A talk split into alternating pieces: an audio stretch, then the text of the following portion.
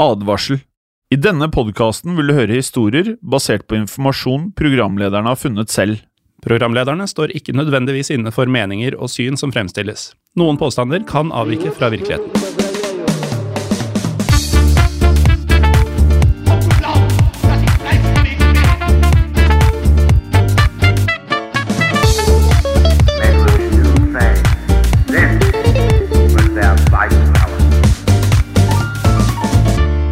Hei og velkommen til en splitter ny episode av Historiepodden andre verdenskrig. Mitt navn er som alltid Jim Fosheim.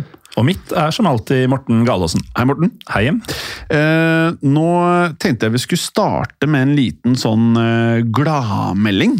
For, fordi at det, I mange av disse episodene her så er det, jo ikke, det er jo ikke alt som oppleves som gladmeldinger. Nei, og det blir ikke mye gladmeldinger utover i dagens episode heller, så det er greit å ta det nå. Ikke dagens definitivt. Vi skal prate om en fæling. En, en av de verre. En av de verre. Eh, Men vi kan jo starte med at vi har jo denne historie eh, for alle på Facebook, altså gruppen vår. Som da både er for historiepodden andre verdenskrig, vanlig historiepodden, henrettelsespodden, gangsterpodden. Det er vel de? Ja, det er vel det, men uh, vi må jo si at eh, takket være våre lyttere, så er det jo Historiepodden som dominerer, og Ja, Historiepodden ja. andre verdenskrig, da. Ja, ja, ja, ja. Det er dere lytterne fra historiepoddene som dominerer. Eh, Men eh, vi er nå på 3800 medlemmer. Det er, det er 3800 mennesker. Ja, og som du nevnte for meg, som jeg egentlig ikke har tenkt på, ja. så er det 3800 enkeltpersoner som aktivt har søkt opp og valgt å bli medlem av denne gruppa. Ja. Det er eh, ja, humbling, sier de på engelsk. Jeg vet ikke helt hva det er på norsk. Ja, det er Man blir ydmyket. Man blir, Man blir ydmyk. Man, man blir ydmyk. Eh, fordi det er jo, da skal du faktisk, da du hører på podkasten, så går du inn på Facebook, og så skal du søke opp gruppen, og så skal du svare på tre spørsmål som de aller fleste faktisk svarer på. Eh, og så blir du medlem av gruppen. Ja, så, Så det, det er er jo- litt, det er litt jobb. Det er litt jobb, eh, og enda mer jobb eh, forlanger vi. Eh, så når du først er der inne og har gjort den jobben, så ønsker vi at du skal jobbe på hver eneste uke. Du må ikke, men eh, det er ikke feil heller. Men det å dele ting som kan passe de andre i, eh, i, i gruppen. Og vi eh, nevnte vel, jeg husker ikke om det var vanlig historie på den eller historie på den andre verdenskrig, at vi nevnte at vi skulle begynne med liveshows.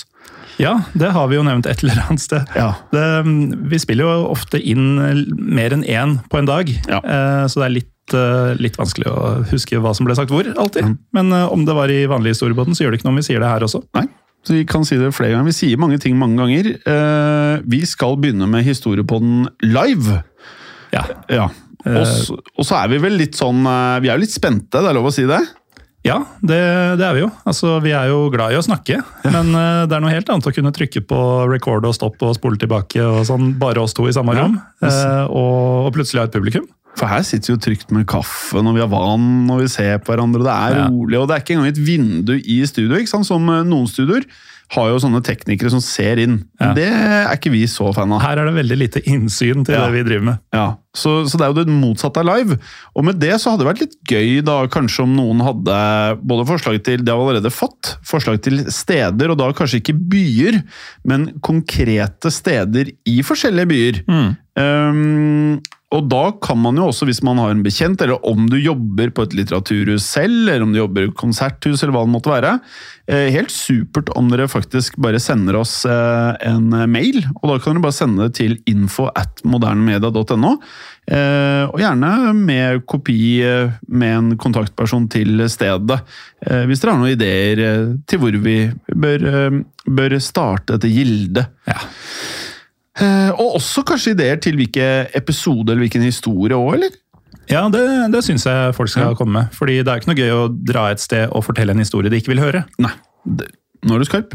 Meget skarp. Eh, hva skal vi prate om i dag, Morten?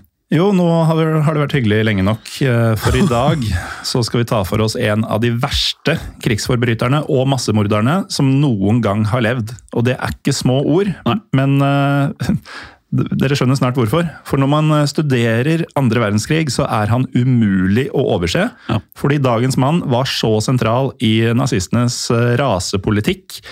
Og da snakker vi om Adolf Eichmann. Og det er da mannen som er omtalt som organisatoren bak massemordet på Europas jøder. Ja, eh, og historien om Adolf eh, Eichmann er eh, ganske omfattende. Og jeg føler vel egentlig at eh, vi kunne, som er veldig mye annet, kunne helt fint lage 10-15-20 episoder om Eichmann. Eh, Men eh, vi har da valgt å eh, smelle det sammen til to episoder. Yes. Eh, Vi føler vi dekker det eh, mye av det her. Eh, Så dette er jo da første episoden. Så eh, da vet du, når denne ender, så er det jo ikke sånn at eh, historien ender. Da kan du høre på andre del.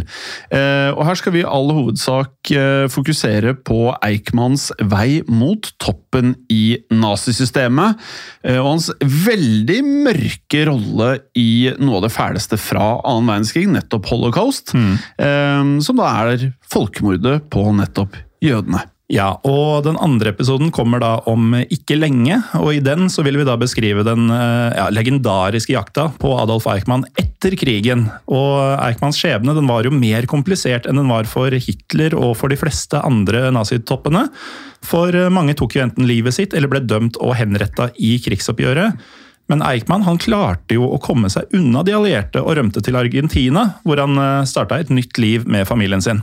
Vi kan jo også legge til Morten, at eh, når vi sier at eh, mange enten tok eh, livene sine eller ble dømt, så vet vi jo ikke det. Det er mange som mener det.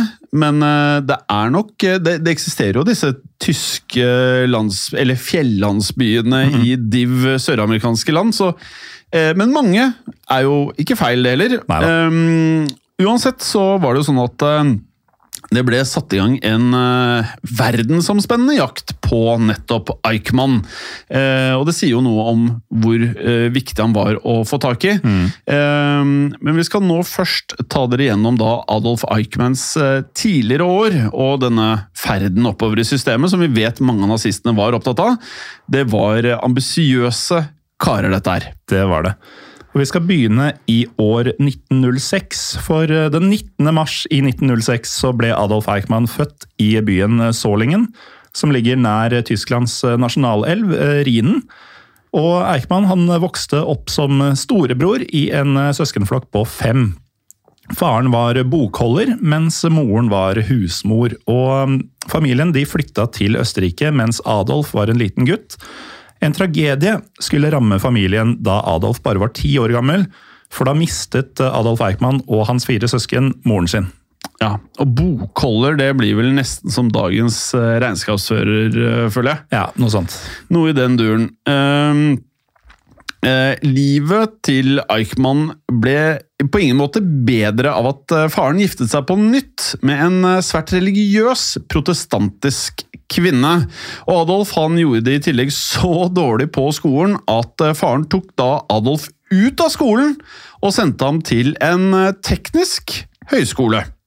Og heller ikke på den nye skolen klarte Eichmann å fullføre noen form for skoleløp, men til gjengjeld så fikk han da jobb hos faren i et gruveselskap.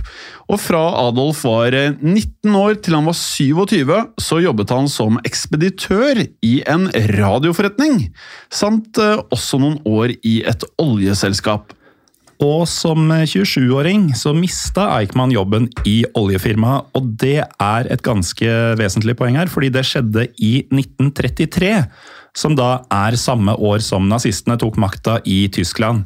Og I årene før 1933 så var nazipartiet blitt en kontroversiell, men meget tydelig politisk aktør, og unge Eichmann han var en flittig leser av de nazistiske avisene. Og Eichmann må ha likt nazistenes politiske visjoner, for han meldte seg inn i nazipartiet i 1932, og snart også i SS. Og som vi vet fra tidligere episoder, SS var en paramilitær fløy innenfor nazipartiet, og utvikla seg senere til en elitedivisjon innenfor nazistenes politi og militærvesen. Ja, og hør også eh, episoden vi nettopp eh, har spilt inn med Ernst Røhm. Ja. Eh, De lange knivers natt. Eh, For litt mer om hvordan det var Mye av disse interne eh, spliden Det var jo basically krig mellom SS og SA. Mer om det i, i episoden om Lange knivers natt. ja. I 1933 så sto Adolf Eichmann uten jobb og tilsynelatende uten noe eh, planer for livet, Morten. Eh, og I tillegg så var eh, nazipartiet blitt eh, forbudt i Østerrike, ettersom østerrikske myndigheter eh, så hvilke farer som da partiet da representerte. Så Adolf Eichmann han reiste derfor tilbake til fødelandet Tyskland som en eh, slags politisk flyktning. Og her var jo nazistene på kraftig fremmarsj, og Hitler forma det tyske samfunnet i sitt bilde. Hitler hadde jo lenge hevdet at vestmaktene og de forræderske jødene sto bak det tyske krigsnederlaget og den ydmykende Versailles-traktaten, som vi også har hatt en eh, episode om. Og nå skulle da Tysklands ære gjenreises. Altså Landet skulle bygges, men det skulle også renses for jøder og andre som de kalte svakelige individer og ikke-ariske grupper. Og I tillegg så skulle tyskerne få mer plass, mer Lebensraum, gjennom ekspansjon. Det er riktig det. Og på dette tidspunktet da unge Adolf Eichmann, han eh, mildt sagt omfavnet eh, alle disse ideene, føles det som. Eh, Og Eichmann eh, ville selv bidra til nettopp politikken som Hitler førte. Og allerede i 1934 skjedde det som Eichmann betegnet som sitt store gjennombrudd. For Adolf Eichmann han fikk jobb i den såkalte jødeenheten i SD, som var da etterretningstjenesten underlagt SS. Og Eichmann kunne her da vise akkurat hvor grundig han var som type, og akkurat hvor dedikert han var i sitt arbeid. Og ikke bare innhentet Eichmann informasjon om sionistiske aktiviteter. Eichmann han lærte seg også hebraisk og jiddisch. Det er jo imponerende. Ja, Da er du kommittert til oppgavene dine. Eh, og snart var Eichmann kjent i nazikretsene som en ekspert innen jødiske emner. Og på 1930-tallet så var det i underkant av en halv million jøder i Tyskland.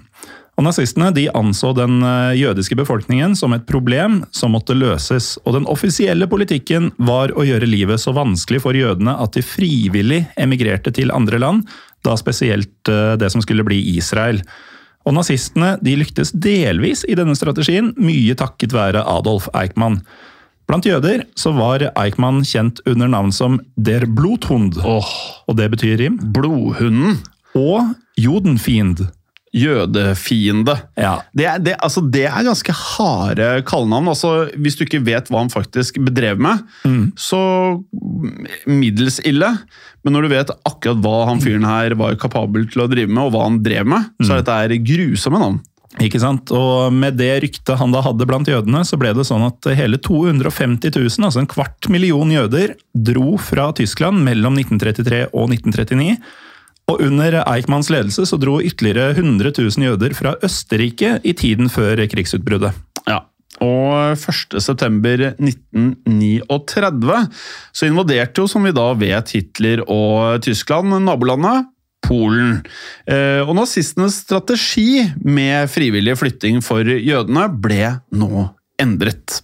For nå var det tvungen deportasjon som var emnet for nazistene. Eichmann han steg i gradene og ble ansvarlig for å koordinere nettopp disse deportasjonene av tyske jøder til det da nylig okkuperte Polen. Ja, og det skal sies da at eh, ideologene bak eh, nazistenes eh, ja, politikk når det gjaldt jødene under krigen, var SS-sjef Heinrich Himmler og propagandaminister Josef Goebbels. Så det var Himmler og Goebbels som la planene, mens det var opp til Adolf Eichmann å utføre planene deres. Ja, Planen var nå rett og slett å deportere jødene med ren tvang. Eh, nazistene var ennå ikke helt sikre på hvor de skulle sende jødene, men Eichmann han sendte fangene østover til en slags mellomstasjon. For her skulle da jødene samles i et avsidesliggende område, mens nazistene fant ut akkurat hvor de skulle forvise dem. så i motsetning til hva noen mener, så visste de ikke helt klart hva som var planen når de deporterte dem, og hva de skulle bruke dem til, og hvor de skulle. Nei, ikke helt i starten. Og um, Eichmann han deltok i planlegginga av Nisko-bosetninga. Og denne planen handla om å bosette jøder i et såkalt reservat ved byen Nisko i Polen. Området var eh, myrlendt og rett og slett uskikka for eh, bosetning. Og vi har jo hatt mange episoder av Historiepodden Jim, hvor folk har prøvd å opprette, opprette byer og sånn et sted hvor det ikke går an fra naturens side. Um, så det var få hus og lite mat, og likevel så deporterte nazistene 95 000 jøder hit. Og mange jødiske fanger de døde under transporten. Mange sulta i hjel eller døde av sykdommer i selve Nisko-bosetninga. Men det vi kan legge til, Morten, var at eh, nazistene de avlyste Nisko-planen, men ikke før mars 1940. For da var det nemlig slik at de lokale nazilederne i Polen de mente at området rett og slett var overbefolket. Men det stoppet ikke nazistene i å midlertidig omplassere jødene. Det ble kun gjort på en langt mer diskré måte, grunnet at de faktisk nå var kritisert av eh, det internasjonale samfunnet. Ja, og enn så lenge så var jo faktisk nazistenes plan å sende jødene vekk fra det tyske riket, og ikke å drepe dem. Men eh, som vi har sagt, nazistene var jo usikre på hvor jødene skulle sendes. Uenighetene innad i naziledelsen gjorde at jødene ble stuet sammen i disse fryktelige gettoene, eh, der overbefolkning, sykdommer og matmangel gjorde livet uutholdelig. Og mange jøder døde, både i disse gettoene og på de mange togtransportene gjennom Europa. Ja, og Eichmann skal etter krigen ha påstått at han var forferdet over disse grusomme forholdene i gettoene og på togene, som du nevner. Men i et brev han skrev under krigen, så var han uten noen form for sympati. Mm.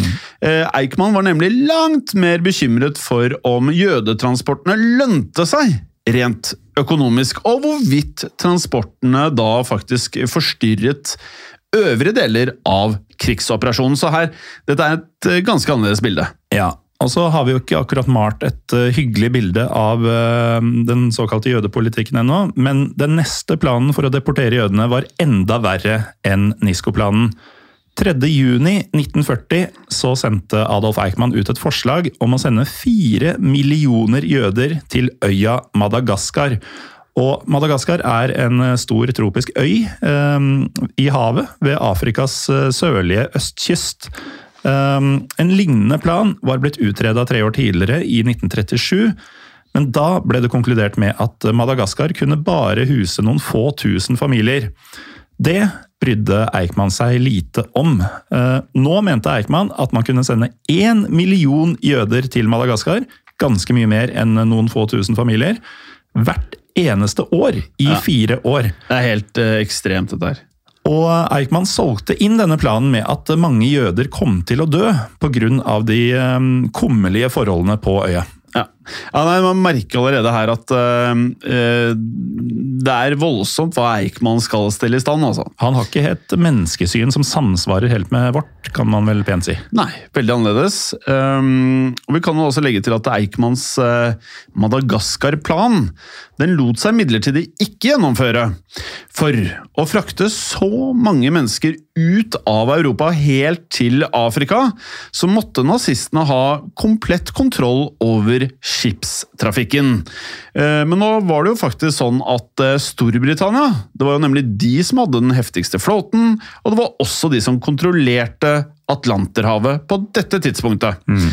Og med det så kan vi jo også nevne at tyskerne de forsøkte jo da, som kjent, å nedkjempe eh, Storbritannia i The Battle of Britain, altså slaget om Storbritannia. Og det var da høsten 1940. Men som man da vet, så var det jo sånn at dette her var jo et slag som tyskerne veldig enkelt tapte. Mm. Og dermed så ble Madagaskar-planen uaktuell inntil videre for Eichmann og nazistene. Ja, så Eichmann og hans menn de vurderte også andre steder å sende jødene. Og blant stedene som ble vurdert, var Ukraina, Palestina og Sibir. Men planene ble aldri noe av, og i stedet så begynte Hitler og naziledelsen å vurdere en enda mørkere plan. Det hele starta med invasjonen av Sovjetunionen i juni 1941, kalt eh, Unternehmen Barbarossa, eller Operasjon Barbarossa, som vi også har hatt om i historiepodden tidligere. Ja, en av favorittoperasjonene til mange av lytterne, har vi forstått. Mm. Og da rulla tyske tropper som en bølge over dagens Hviterussland og Ukraina på vei mot uh, Moskva. Og det var den største invasjonen i historien, der en 3000 km bred front med 600 000 kjøretøy feide over slettene og landsbyene. Jeg repeterer da det du sier. 600 000 kjøretøy! Så, ja, og 3000 km bredde. Det er ekstremt. Men bak disse troppene, Morten, så var det noe som var fryktinngytende, som eh, beveget seg bortover slettene og landsbyen også. Det var nemlig dødsskvadronene til Schutzstaffel.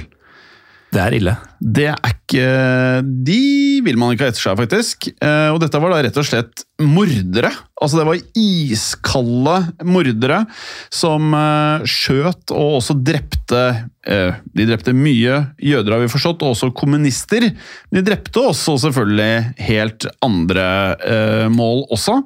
Og vi kan legge til at over én million sovjetiske jøder ble drept av nazistene i løpet av annen verdenskrig. Eh, og invasjonen av Sovjetunionen ble i praksis eh, kun den første fase i det systematiske folkemordet som da var på jødene. Ja, og noe av planen her var jo at eh, Hitler regna med at han kunne sende jødene til Sibir, som var av nevnte, en av de nevnte mulighetene, så snart Russland var erobret. Men da Hitlers eh, krigslykke i kampen mot Sovjetunionen tok slutt sent i 1941, da ble det jo den delen vanskelig. Og I desember samme år så gikk USA inn i krigen på de alliertes eh, side. Og Hitler skal da ha sagt at eh, jødene i Vest-Europa måtte drepes så fort som mulig. Og den oppgaven ble gitt videre til Himmler, Eichmann og deres menn. Ja, og selv om Eichmann var delaktig i eh, vanvittig mange grusomheter frem til nå, så skulle han over de neste årene bli må kunne si langt mer ekstrem.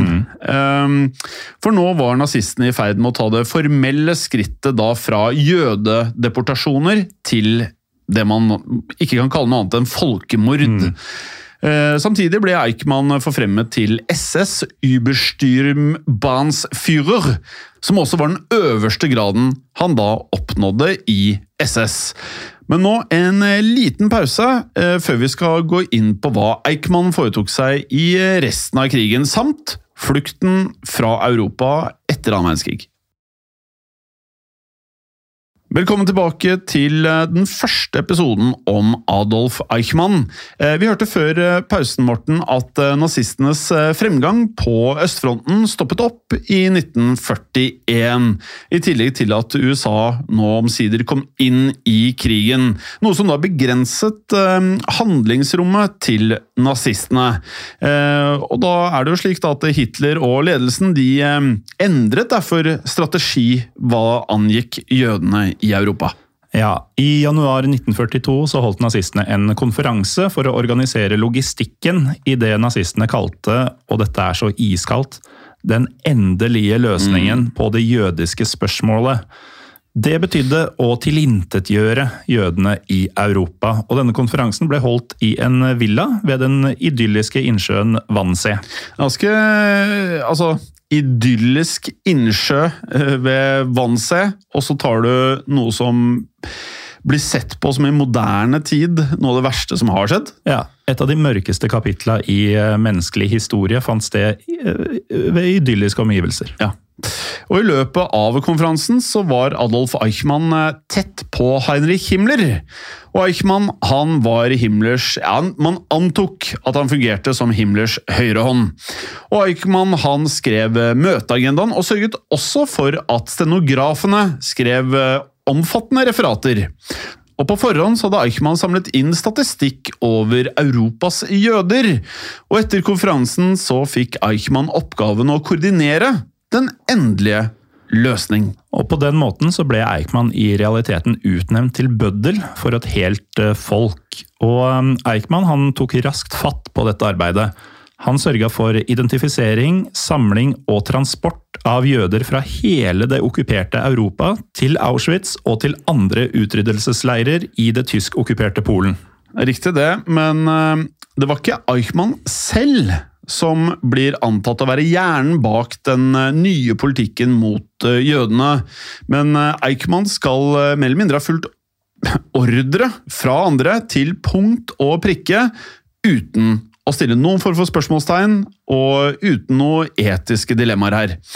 Så ordrene om å deportere jødene til leirene den kom fra sjefen for det hemmelige politiet, altså Gestapo, nemlig Heinrich Müller. Og Müller han sto over Eichmann i rang og handlet direkte på Heinrich Himmlers vegne. Og Eichmanns eh, egen avdeling var ansvarlig for å samle informasjon om jødene i hvert område, organisere beslag av eiendelene deres og planlegge togtransporter. Og Eichmann han holdt jevnlige møter på sine kontorer i Berlin med sine underordnede, som jobbet i felten. Og Eichmann han reiste også til konsentrasjonsleirer og gettoer for å inspisere forholdene. Og Der skulle han da ha kommet med forslag til hvordan leirene kunne bli enda verre for fangene. Ja, og dette her eh, vi pratet jo om innledningsvis eh, Morten, om at eh, Eichmann han var dedikert. altså Han lærte seg språk, han gjorde ting nøye. Eh, og Når du da allerede vet at ting er ganske ille, eh, og du ønsker at det skal bli verre, Ja. fordi det da er mer økonomisk tilfredsstillende vil jeg tro, for eh, regnearkene, så eh, det er litt av en type, dette her. Ja, virkelig. Eh, Men vi kan jo også da eh, ta et steg videre her, for det aller mest grufulle ved Adolf Eichmann var eh, kanskje hans store arbeidslyst. Og det blir beskrevet, Morten, som at han han jobbet mye med dette her, og han hadde en unik evne til å sørge for at folkemordet gikk etter punkt og prikke til enhver tid, uavhengig av mye annet som skjedde i disse årene. For Eikemanns jobb var jo rett og slett å legge til rette for at mennesker skulle drepes svært systematisk og veldig effektivt. Det skulle være billig, og det skulle gå lynhurtig. Eh, likevel så betraktet Eichmann jobben sin som eh, et veldig viktig kall. Eh, for det eneste Eichmann brydde seg om, var å følge denne grandiose planen i hans eh, hode. Ja, og Eichmann han var en proaktiv eh, leder som eh, tok i bruk en rekke strategier for å sikre at eh, disse kuvognene som de brukte og annet utstyr kom hans vei. Disse vognene skulle jo brukes til å frakte jøder til dødsleirene. Og dette var i en tid da Tyskland egentlig kunne hatt bruk for utstyret på fronten, men Eichmann han prioriterte rett og slett holocaust. Ja, og det er, når du, det er når man dykker ned i de detaljene der, at de faktisk da vekkprioriterte å krige eh, og sitt eget eh, folk. Eh, og mange av disse vognene her, altså de trengte jo alt de kunne for også å redde sårede, men her prioriterte man da å drepe folk. Eh, vi kan jo også nevne Morten, at Eichmann, eh, etter hva vi har forstått, mer eller mindre hele tiden holdt nær kontakt med en eh, gruppe med underoffiserer. Eh, For deportasjonene var en vanvittig stor eh, operasjon. Det var mye som skulle koordineres, eh, og Eichmann han var avhengig av å ha veldig, veldig solide karer, betrodde menn, som da gjorde nettopp det han befalte. Ja, og vi sa jo han var proaktiv, for før krigen så rekrutterte Eichmann en gruppe unge, utdannede, selvsikre og eh, det som ble kalt ideologisk engasjerte medarbeidere til den voksende kretsen han hadde rundt seg. Og det var viktig å omgi seg med unge nazister som var blitt eh, hjernevasket nok av nazistenes propaganda fra tenårene og hadde en dyp negativ holdning til jødene. Ja, og flere av eh, offiserene i Eichmanns avdeling det var trofaste, noen av de var unge, eh, og mange av de hadde vært trofaste mot Eichmann i mange, mange år før krigen, og selvfølgelig under krigen. Og nettopp nazismen var alt disse offiserene til Eichmann eh, kjente både som teori og levesett, og eh, mange mener at det var nettopp dette som gjorde at de var så ekstremt dedikerte i denne innsatsen til å utrydde jødene. Ja, så denne lille hæren Eichmann hadde av relativt eh, unge og tilsynelatende hjernevaska offiserer, de kjempa ikke med våpen. Deres barbariske krig mot jødene ble utkjempa med telefoner, med penner og med skrivemaskiner. For disse offiserene de satt ved skrivebordene og signerte og sendte ut utrolig mange deportasjonsordre. Offiserene de trua lokalbefolkning og medløpere til nazistene til å samle jødene og ta disses verdier. Og hundretusener av jødiske menn, kvinner og barn ble sendt i døden. Eichmann og offiserene hans de opererte i store deler av Europa. Bl.a. Blant annet Polen, Frankrike, Italia, Tsjekkia og også Balkan. Eh, Alle steder hvor aksemaktene hadde kontroll, ble jøder nå arrestert, og de ble sendt med tog direkte til konsentrasjonsleirene. Våren 1944 dro Eichmann til et land hvor jødene ennå ikke hadde opplevd massedeportasjoner, nemlig Ungarn.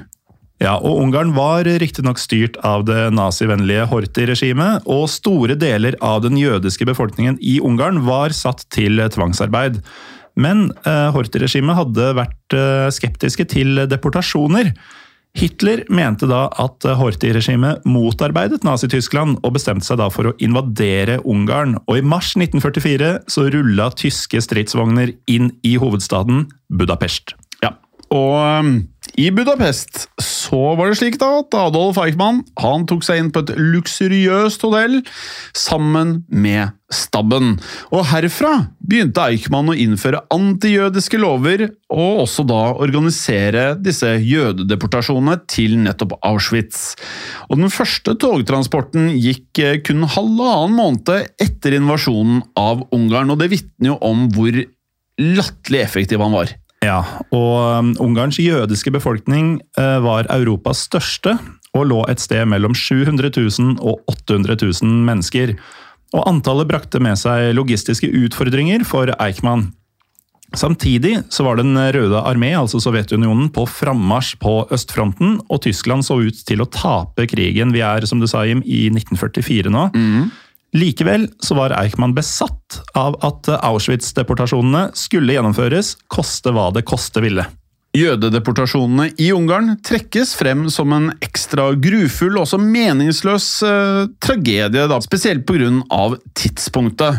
For som du sa, Morten, så var jo nå tyskerne allerede i ferd med å tape krigen. Og I juni 1944 gjorde de allierte langgang i Normandie, og nazistene var nå presset fra alle kanter. Mange kunne kanskje tro, Morten, at eh, når man visste at man skulle tape krigen, så hva var poenget med å da ta livet av alle disse jødene? Men eh, ikke de her, og spesielt ikke Eichmann, for han skudde rett og slett opp eh, tempoen. Han prøvde nå å deportere og også drepe i et høyere tempo enn tidligere.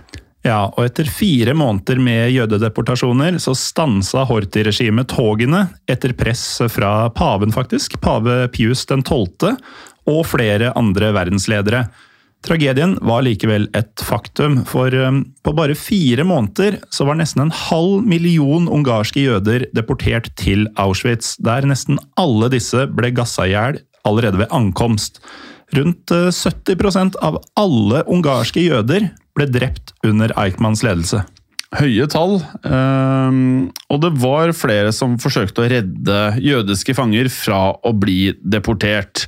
Eichmann han ble nemlig tilbudt både gull og andre verdigjenstander, eh, og han viste noen ganger en vilje til å forhandle angivelig, og et av de mer kjente eksemplene på viljen hans til å forhandle, var det såkalte Kastner-toget. Eichmann han forhandlet med advokaten Rudolf Kastner om å la 1600 jøder bli sendt til frihet i Sveits. Og Eichmann og SS-offiseren Kurt Becher lot til slutt jødene reise i bytte mot tre kofferter stappet fulle av gull, diamanter og også kontanter. Eichmann eh, likte dårlig at denne Kurt Becher fra SS gradvis la seg oppi eh, Eichmanns behandling av jødene, og dessuten så var Eichmann nå bitter over at deportasjonene ble stoppa. I juli 1944 ba Eichmann derfor naziledelsen om å få nye oppgaver, og han hjalp da et tysk feltsykehus med å evakuere fra fronten, noe Adolf Eichmann ble tildelt Jernkorset av andre klasse for, en meget høy utmerkelse under nazismen, Jim. Og høsten 1944 så arrangerte Eichmann en utmattende 21 mil lang marsj for titusener av jødiske fanger fra Budapest til Wien. Og Den røde armé Morten, den eh, nærmet seg Budapest med stormskritt, og i desember 1944 så dro Adolf Eichmann fra Budapest. Og De sovjetiske styrkene de inntok byen like etter at Eichmann hadde kommet seg av gårde. Og Eichmann han reiste til kontoret sitt i Berlin, og der sørget Eichmann for at alle inkriminerende dokumenter faktisk ble brent, for deretter å dra videre til Wien, der han ønsket å bo i fred og i sikkerhet resten av krigen sammen med familien. Men det skulle ikke vare lenge, for da Eichmann innså at slaget var tapt i mai 1945, så gjorde han seg klar til å forlate familien sin. Eichmann ga kona si en koffert med byggryn og en sekk mel, og han delte også ut giftkapsler til familien sin, og det høres jo ut som Altså Skal du dele ut giftkapsler, så trenger du kanskje ikke å legge inn ingredienser til å lage mat. Nei.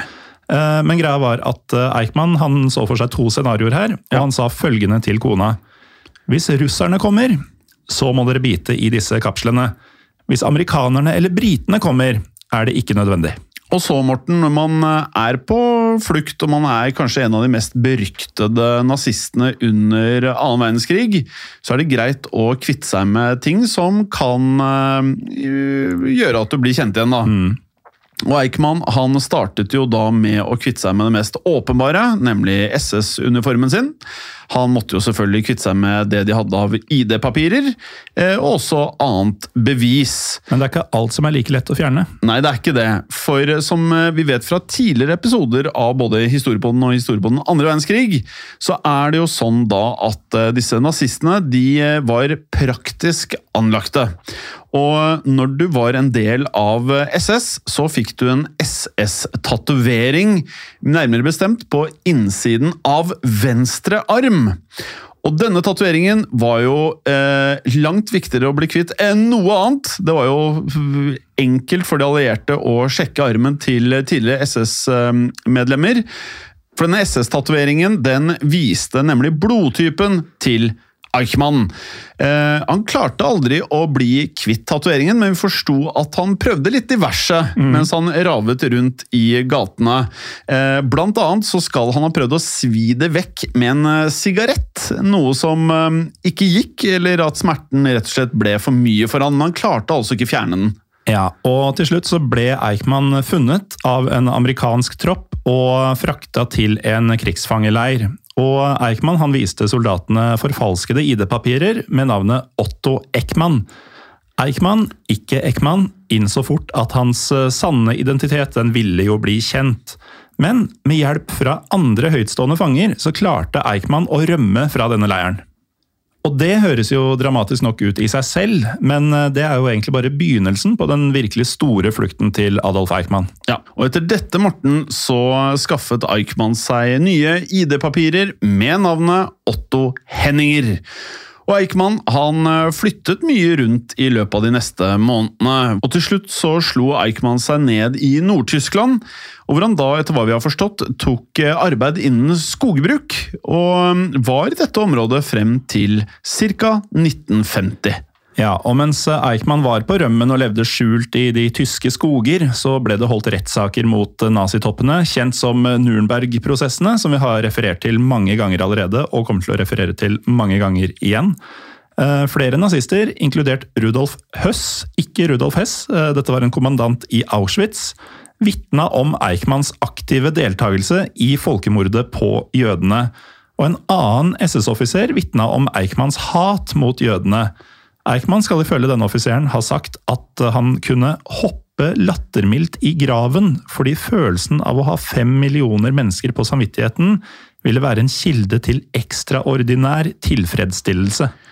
Ganske heavy. Ja, Det er en forferdelig mann vi snakker om her. Altså. Ja, dette er, eh, det er sånn, Vi har jo vært borti mye gale folk allerede. Vi har, vi har jo så vidt startet med nazistene under annen verdenskrig i denne podkasten her, men, men dette her er så langt på mange måter det mest ekstreme, eh, må vi kunne si, da.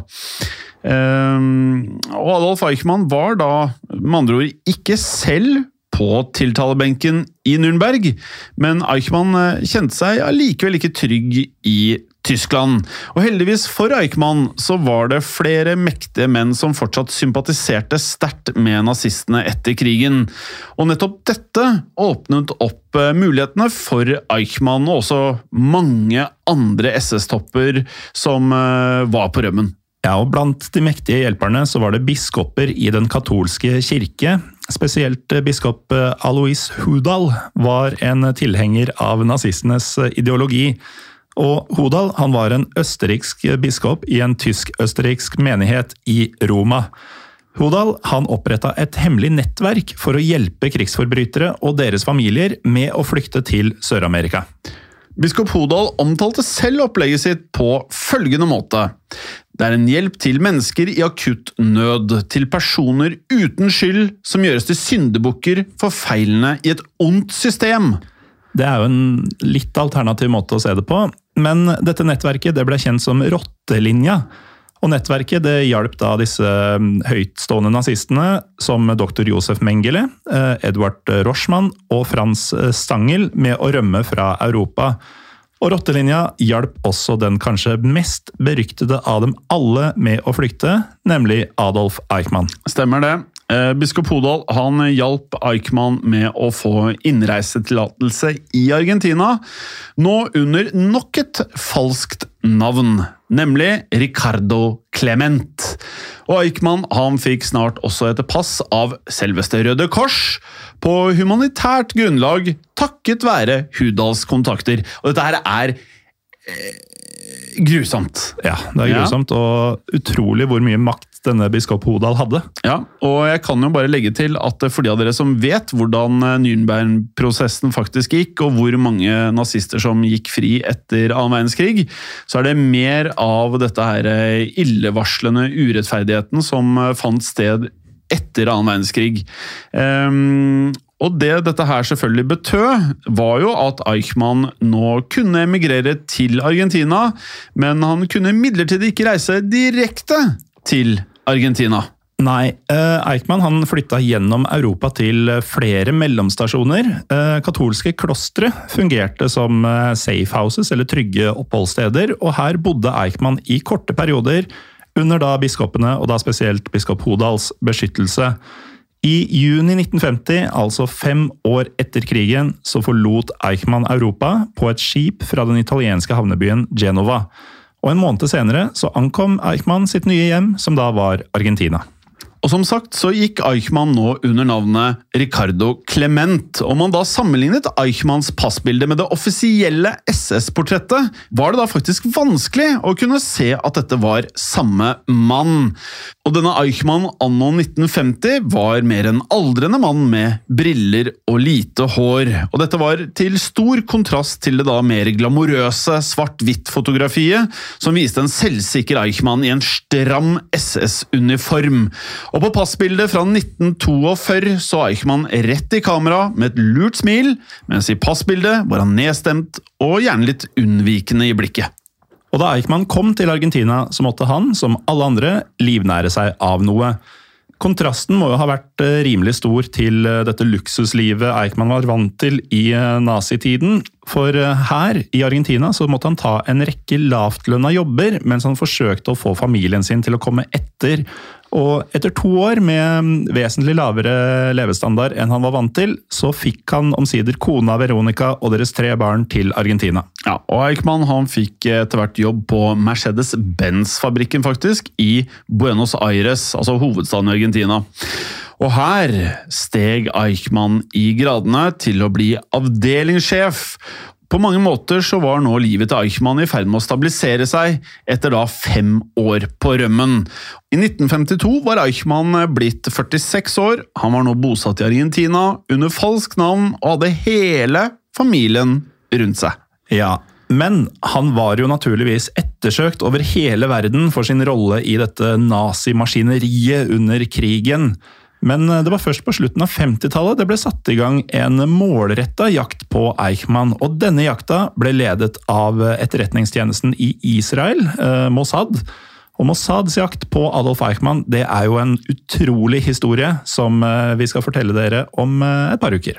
Ja, eh, og vi kan jo legge til at eh, neste del av denne historien blir eh, Den er eh, helt, helt unik, og har du ikke hørt hvordan dette her ender, så eh, kan vi nok si at dette kan være en av de mest eh, merkverdige episodene så langt i historien på den annen verdenskrig. Ja, det er en ganske vanvittig historie, og um, vi skal ikke nevne at det finnes en film om det ennå, fordi Nei. vi syns at det er verdt å vente på episoden, og så kan vi heller si i den at denne filmen fins, og hvordan man kan finne den. Ja.